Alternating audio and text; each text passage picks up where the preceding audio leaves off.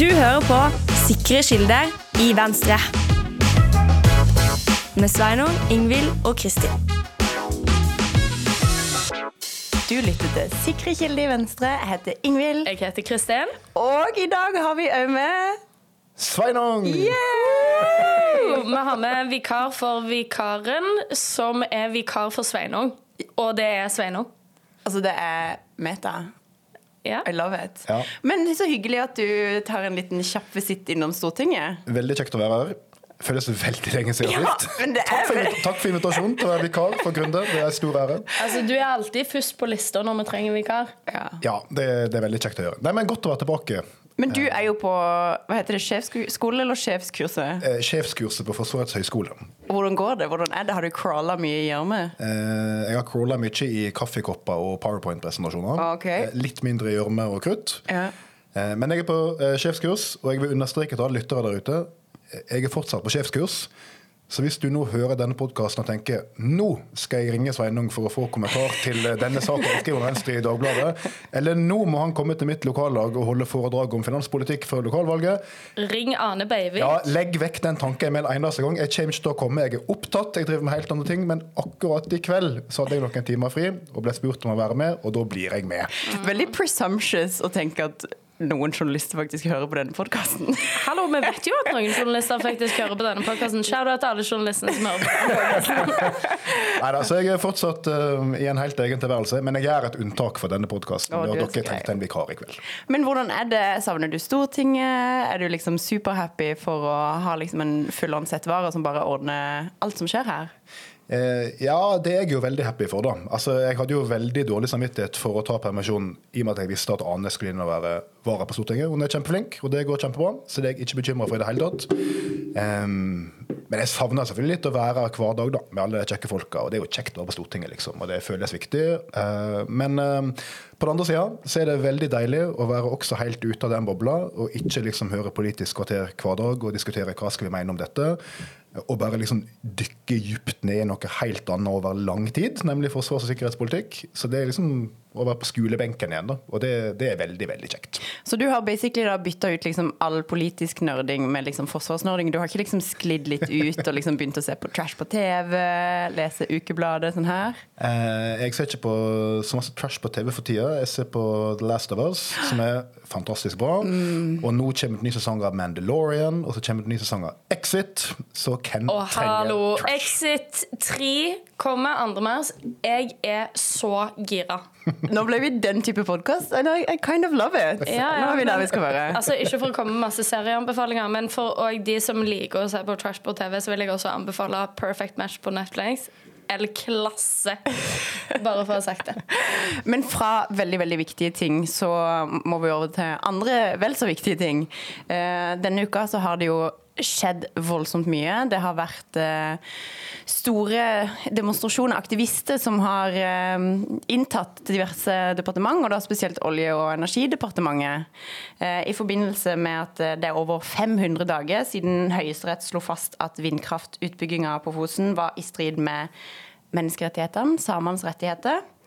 Og likevel så har det rett og slett ikke skjedd så voldsomt mye fra regjeringa sin side.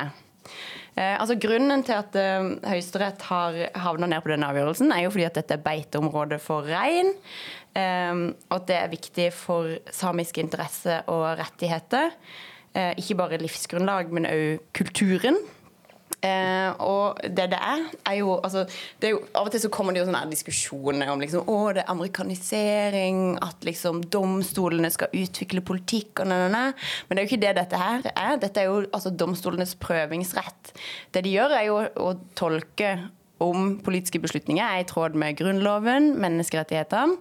Eh, og så kommer de til en beslutning. altså De utvikler ikke ny politikk, de forholder seg til, til de lovene som allerede er lagd av, av Stortinget. Eh, og Anine Kjalf hadde et, et veldig godt innlegg i VG denne uka, som anbefales, eh, som sier at prøvingsretten er den egentlige, det eneste egentlige rettsstatlige garanti. Så det er veldig viktig. Eh, Men det som har vært problemet, er jo at regjeringa Fordi dommen sier jo ikke at vindmøllene må rives. Dommen sier dette er menneskerettighetsbrudd.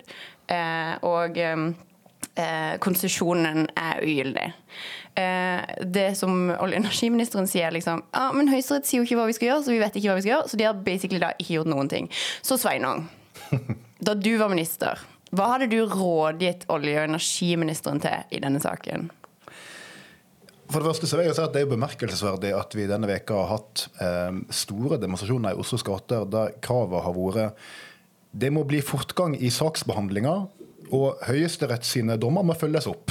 Mm. Det er ikke så veldig ofte at det liksom er parolene når folk marsjerer i gatene, og langt mindre lenker seg fast. Eh, og faktisk, da det skjedde tidligere i veka, så, så var jeg inne i Høyesterett. Fordi vi var der um, med dette sjefskurset mitt. da. Ja. For Vi besøker ikke bare Forsvarets avdelinger, vi besøker også en del av liksom, styringsapparatet. Uh, så vi var i Høyesterett for å lære litt om lærerfunksjonen. Uh, og når de på en måte foreleste for oss om liksom, deres rolle i systemet, at disse beslutningene var viktige, så var ikke det så vanskelig for folk å forstå, tror jeg, når folk liksom lenker seg fast på andre sida av gata mm. nettopp pga. det. Mm. Men hva ville jeg gitt råd om?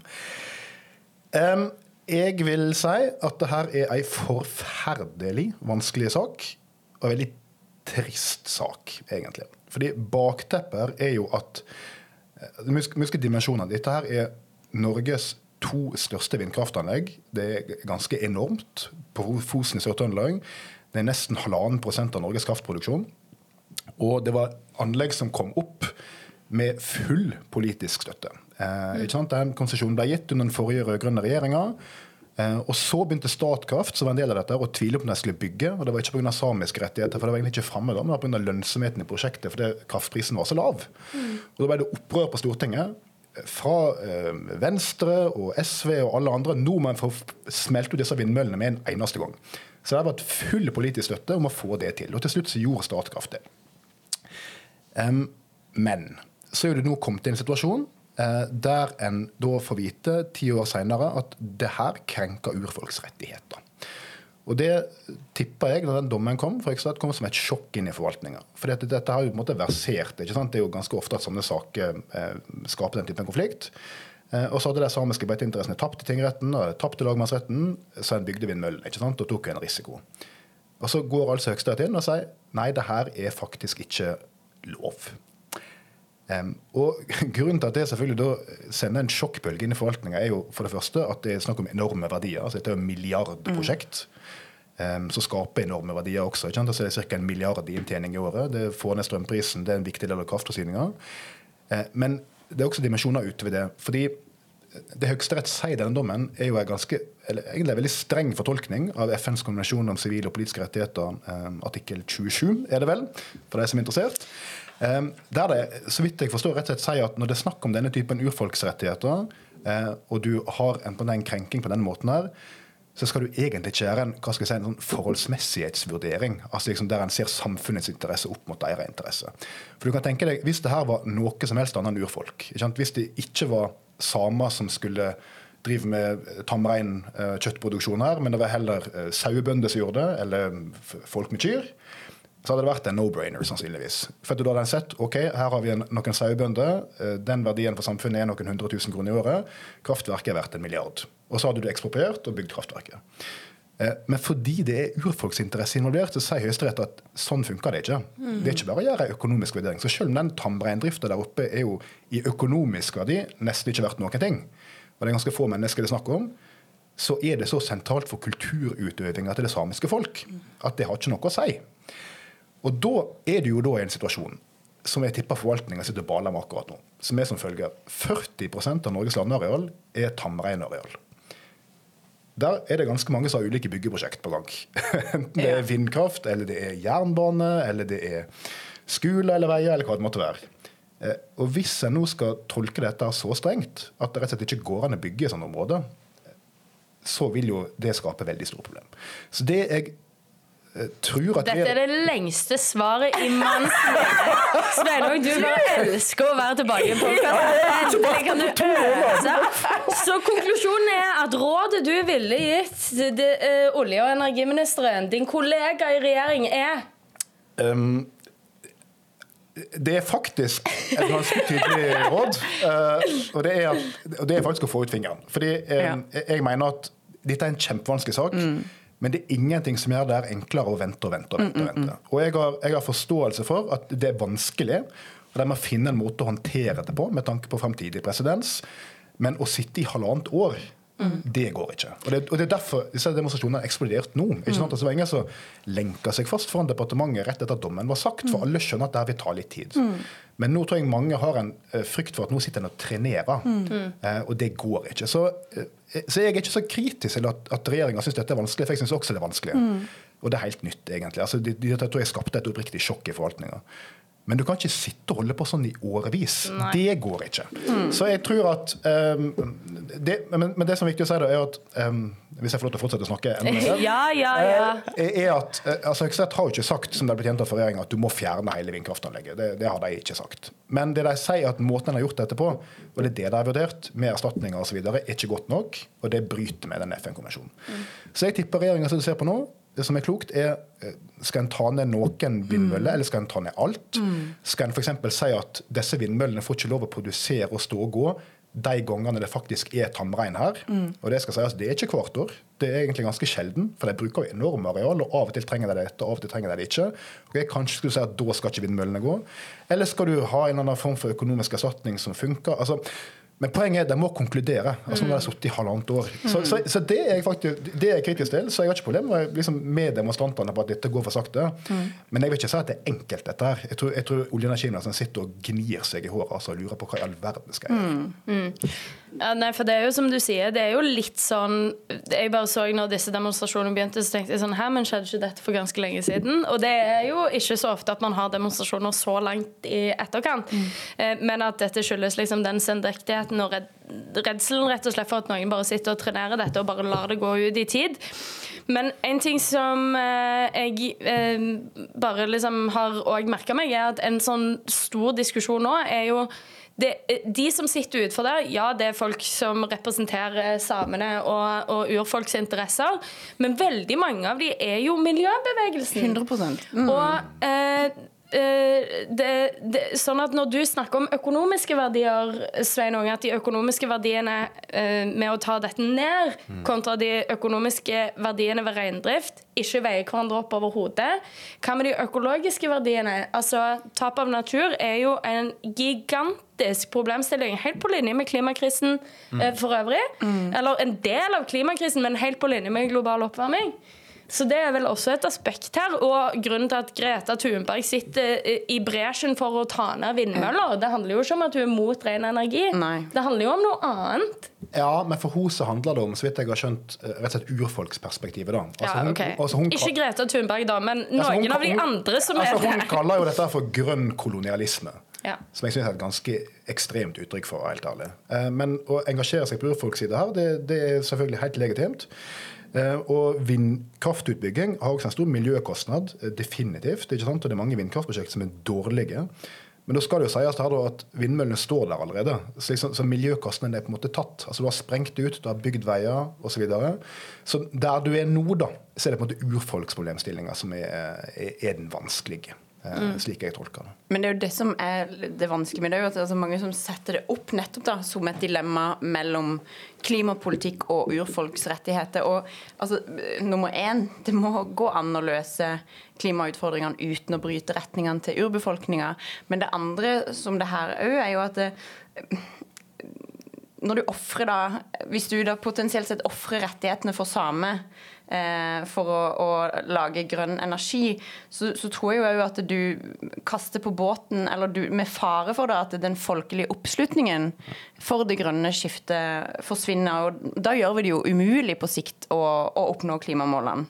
At Du mister jo legitimiteten til hele den bevegelsen òg. Så sånn sett så er det jo òg det at det tar så lang tid at ikke dette har blitt løst. At ikke de har på en måte ok, eh, tatt bort den ugyldige konsesjonen, gitt en midlertidig konsesjon, skalert ned fram til de liksom finner ut hva de skal gjøre, sånn at det faktisk skjer noe.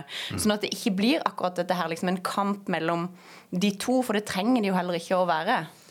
Nei, det, det trenger ikke være det. Og det er klart, jeg, jeg mener altså, kan ikke, Norge kan ikke leve med at det sitter en eh, masse urfolksrepresentanter som historisk har blitt behandla dårlig i Norge, eh, og blir båret vekk av politi. Eh, det, altså, det, det er forferdelige bilder.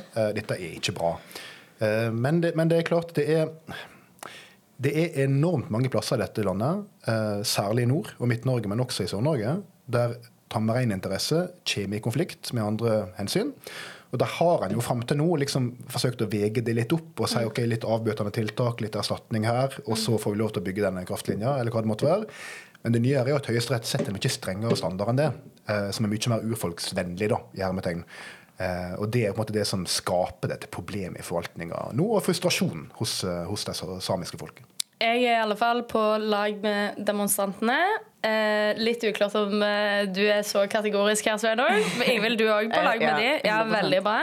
Og eh, Jonas Gahr Støre har jo kvia seg for å uttale seg veldig bastant om eh, den eh, demosituasjonen som pågår oppe i Akersgata. Men han har i det minste, som en statsminister burde ha som et slags minimum, sagt at han er opptatt av at folk skal få si sin mening. That is so synes det er så liksom raust. Det er veldig raust. Og Jonas Gahr Støre i den situasjonen her, han har én jobb, og det er å skjære igjennom. Enig. Yes. Det ble en ganske lang runde på dette, men det er jækla viktig. Ja, det er det. Definitivt. 100 eh, Men for å gå litt videre da, til et tema som eh, like viktig. eh, Litt, litt sånn mørkt. Det er ikke liksom et kjempehyggelig tema. Men i dag så var det sånn at en omfangsstudie som en del av et forskningsprogram om vold i nære relasjoner ble lagt fram. Det er en rapport om vold og voldtekter i Norge. Um, den studien ble sist gjennomført i 2014, eh, og det som vi ser nå, er jo en, spesielt en enorm økning i antallet som har opplevd voldtekt. Eh, altså Sist studien ble gjennomført i 2014, så var det én av ti kvinner, eh, for det er flest kvinner som, som, blir utsatt for voldtekt, som hadde blitt utsatt for det. Eh, nå er det altså én av fem. En endring er at de også har tatt med sovevoldtekt nå, men som like fullt er voldtekt også etter voldtektsparagrafen. Eh, men det er jo helt altså, katastrofale tall. Eh, det som de òg viser gjennom denne rapporten, er at det, eh, det er veldig få som anmelder. Mm. Veldig veldig få som anmelder, og veldig få som oppsøker helsetjeneste både etter vold og etter overgrep. Eh, men spesielt få som, opplever, nei, som oppsøker det da etter eh, Altså typisk at du reiser til et, et overgrepsmottak da, etter voldtekt for å sikre bevis, men ikke minst for å sikre oppfølging, eh, både fysisk og psykisk i etterkant. Eh, så dette er jo bare altså det er, helt, det er helt absolutt katastrofe. Og det er jo sånn vi er nødt til å sette inn, altså Det er ingenting som kan være uprøvd. altså Vi er nødt til å sette inn absolutt alle mulige tiltak. Altså Vi må se på hvordan eh, håndterer vi dette i strafferettspleien. Er det tilstrekkelig med ressurser til politiet på dette området? Vi må selvfølgelig se på eh, voldtektsbestemmelsen eh, i straffeloven, eh, som vi vet at ikke oppfyller internasjonale standarder. Eh, vi må se på disse overgrepsmottakene. Hvordan er tilbudene rundt omkring i kommunen? For dette her er jo en situasjon som bare er helt fullstendig uholdbar, og det er jo en situasjon hvor det rammer, altså Iallfall på dette med, med, med, voldtekt, så rammer det jo kvinner i størst grad. altså Det er kjønnsbasert vold. Men det vi ser på den siden, det er jo menn som, som, er mest utsatt for vold. Bortsett fra når det kommer til vold i nære relasjoner. Da er det også kvinner som, som opplever det mest. Så dette her er jo bare altså det er helt insane, basically. Altså Vi må sette inn absolutt alle mulige Og holdnings, holdningskampanjer altså retta mot barn, men også liksom generelt i befolkningen. Altså, tenk hvor mye penger vi brukt, har brukt liksom på sånn herre Å, røyking er bad for you. Slutt å røyke. Versus liksom holdningskampanje på grensesetting og den her type ting, da. Mm. Nei, det var 22% av alle kvinner som oppgir at eh, de har blitt voldtatt. Noe som høres ut som helt syke tall. Mm. Og i tillegg til det så kan det finnes uh, mørketall fortsatt. sant? Um, men var det ikke også noe med at veldig mange av disse var under 18 år da de ble utsatt for overgrep? Mm. Som ja. jo viser at det, nettopp det med å skal, altså, sikre at barn kjenner til grensesetting, er så enormt viktig. Mm. Helt enig. Mm.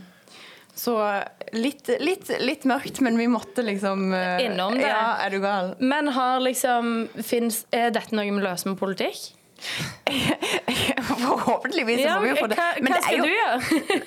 det er jo jævlig sammensatt, det er jo det. Så du, mm. vi, under vår regjeringsperiode så ble det jo lagt fram en, eh, en handlingsplan, men altså her må vi jo, som jeg nevnte, altså tiltak på alle spor på dette her, fra holdningskampanje til eh, hvordan oppfølgingen er hos politiet, i kommunene. For det er jo sånn at det, eh, det framgår i rapporten at det er langt større sjanse for at du får en PTSD da, hvis du har vært utsatt for en voldtekt.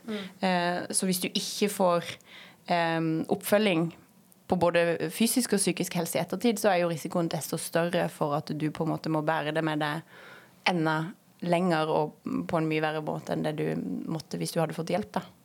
Så virkelig, virkelig alvorlig. altså En, en krisesituasjon, altså. Men vet vi noe om eh, dette er uttrykk for at det faktisk eh, skjer flere voldtekter, eller at flere rapporterer det? For det, er det som alltid er vanskelig med kriminalstatistikk, er jo at eh, når det blir bevissthet rundt et problem, så er det flere som våger seg fra om det. Ikke sant? Altså, typisk Trond Giske. Ja? Ja, det var, Nei, det det. det var ikke det eksempelet jeg hadde tenkt å komme til. Men, eh, Nei, men det gjør jeg. Ja, det, ja. Ja. Eh, Men for eksempel, det det en før kalte eh, husbråk det, er var noe politiet bare liksom ikke brydde seg om. Mm. Det var jo menn som banka konene sine. Og det begynte nå etter hvert å rapportere som det det var, som er mishandling i nære relasjoner. Eh, Så det er et sånn kjent eksempel fra kriminalstatistikk på at liksom du fikk en eksplosjon i mishandling i nære relasjoner på 90-tallet og tidlig 2000-tall. Eh, Men som neppe var et uttrykk for at det faktisk ble mer vold i heimen. Vi får i hvert fall håpe det. Men at folk heldigvis sa fra. da. Så det er, alltid, det er liksom alltid det kontrollspørsmålet jeg stiller med sånn Kriminalstatistikk, veit vi noe om det, Ingvild? Du som har lest rapport. Altså det de sier jo i rapporten, er jo, som du er inne på, at dette også handler om at eh, vi er mer bevisste. Eh, og det er andre holdninger til det. Eh, men samtidig så er jo altså spesielt det som går på eh, altså seksuallovbrudd, da, eh, er det jo fortsatt sånn at det er knytta en del stigma til. Og det um, gjenspeiles òg i de tallene på, på anmeldelse, da. Eh, at folk vegrer seg for å anmelde nettopp fordi at det er knytta så mye stigma til det. da. Ingvild, jeg vet at det er du som er programleder, men kan jeg prøve meg på en overgang her? Gjør det. Ok. Odd Einar Dørum sa til meg en gang, og jeg siterer Møtet i Finansdepartementet er som en mørk satanistisk messe. Hvis du vil ha et lyspunkt, så må du faen meg ta det med sjøl. Og akkurat nå så føler jeg at vi bare diskuterer litt sånn eh, dystre tema. Så derfor lurer jeg på, Sveinung, har du med et lyspunkt?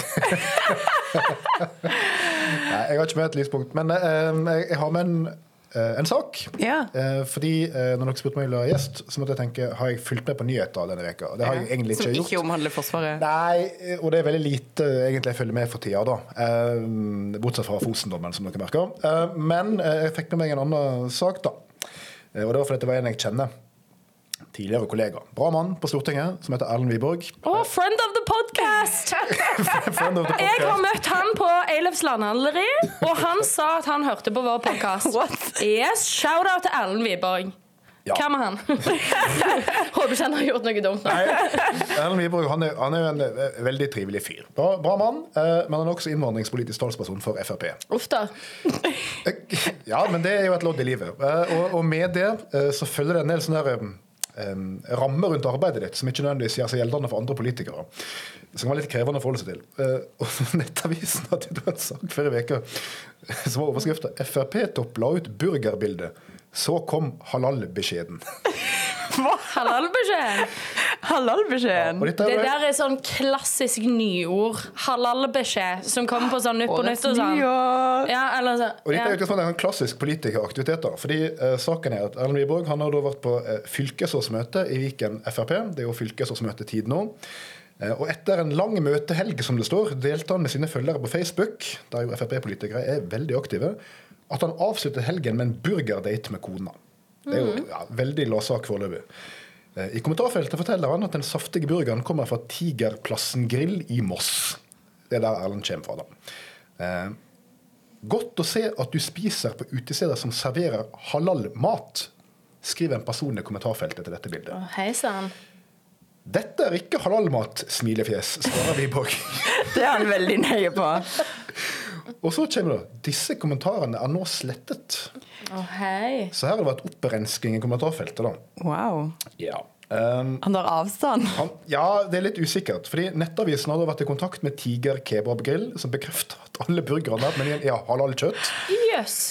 Um, og så så ringer jeg da Erlend Nyborg og spør hva, hva er greia her. Og så svarer han jeg trodde ikke det var halalmat. Jeg spiste en burger, jeg visste ikke at det var det, sier Wiborg.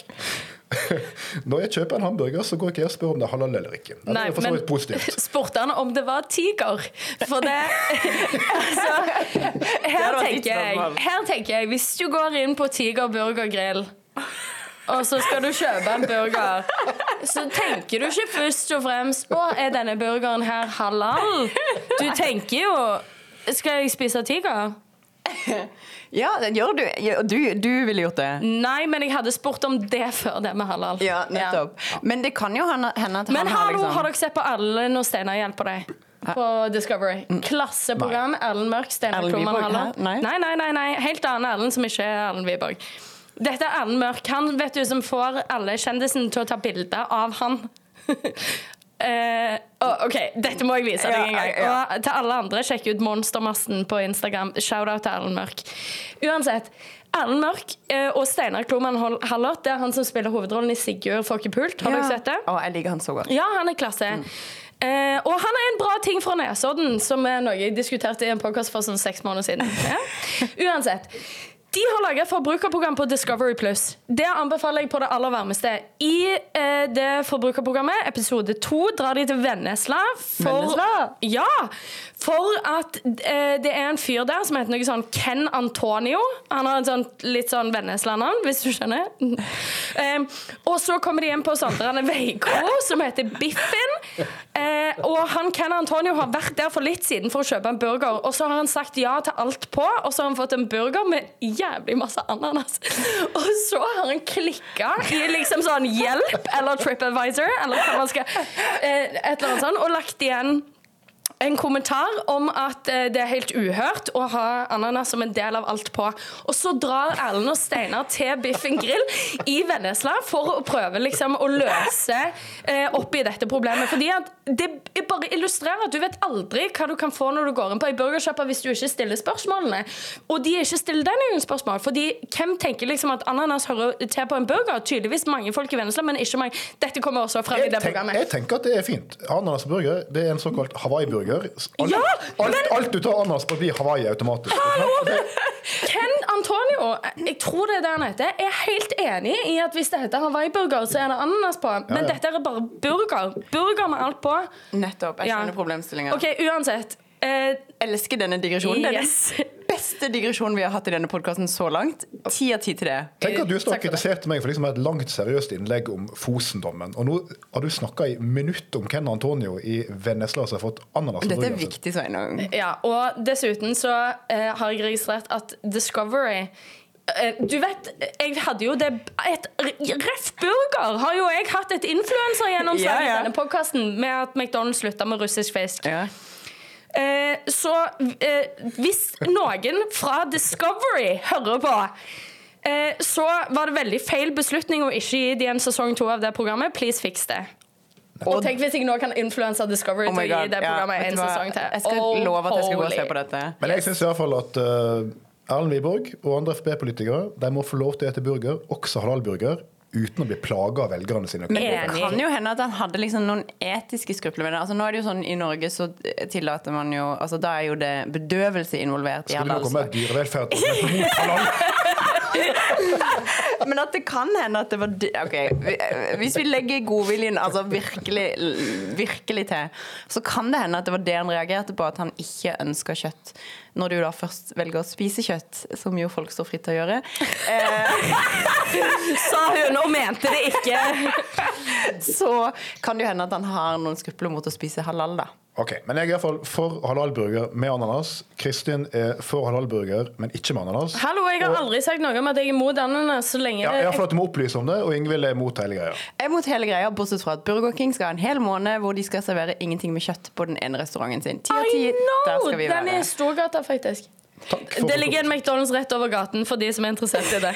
I alle fall, Det var saken jeg hadde med. Veldig bra sak. Nå er det rett og slett sånn at vi har eh, klart å prate oss well beyond eh, tiden vår. Eh, vi må likevel innom en veldig viktig sak, og det er jo noe som har skjedd i Oslo i det siste. Oslo bystyre ønsker jo å gjennomføre en lokal rusreform. Sånn gikk det ikke, Kristin?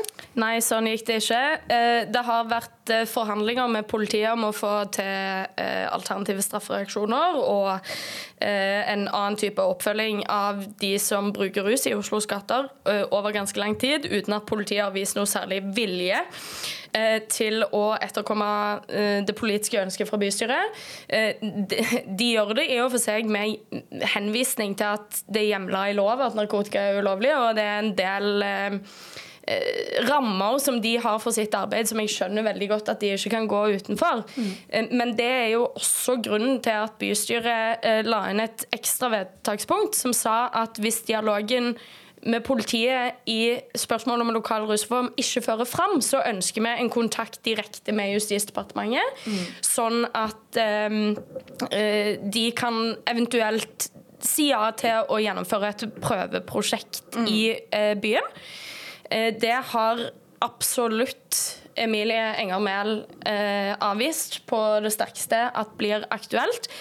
Og eh, Det er nå én side av saken. Jeg er ikke spesielt overraska over at Senterpartiet er ikke superpositive til dette, eller en eh, og Senterparti-regjering som begge to stemte mot rusreformen da den ble lagt fram fra forrige eh, regjering. En veldig bra regjering som jeg savner hver dag.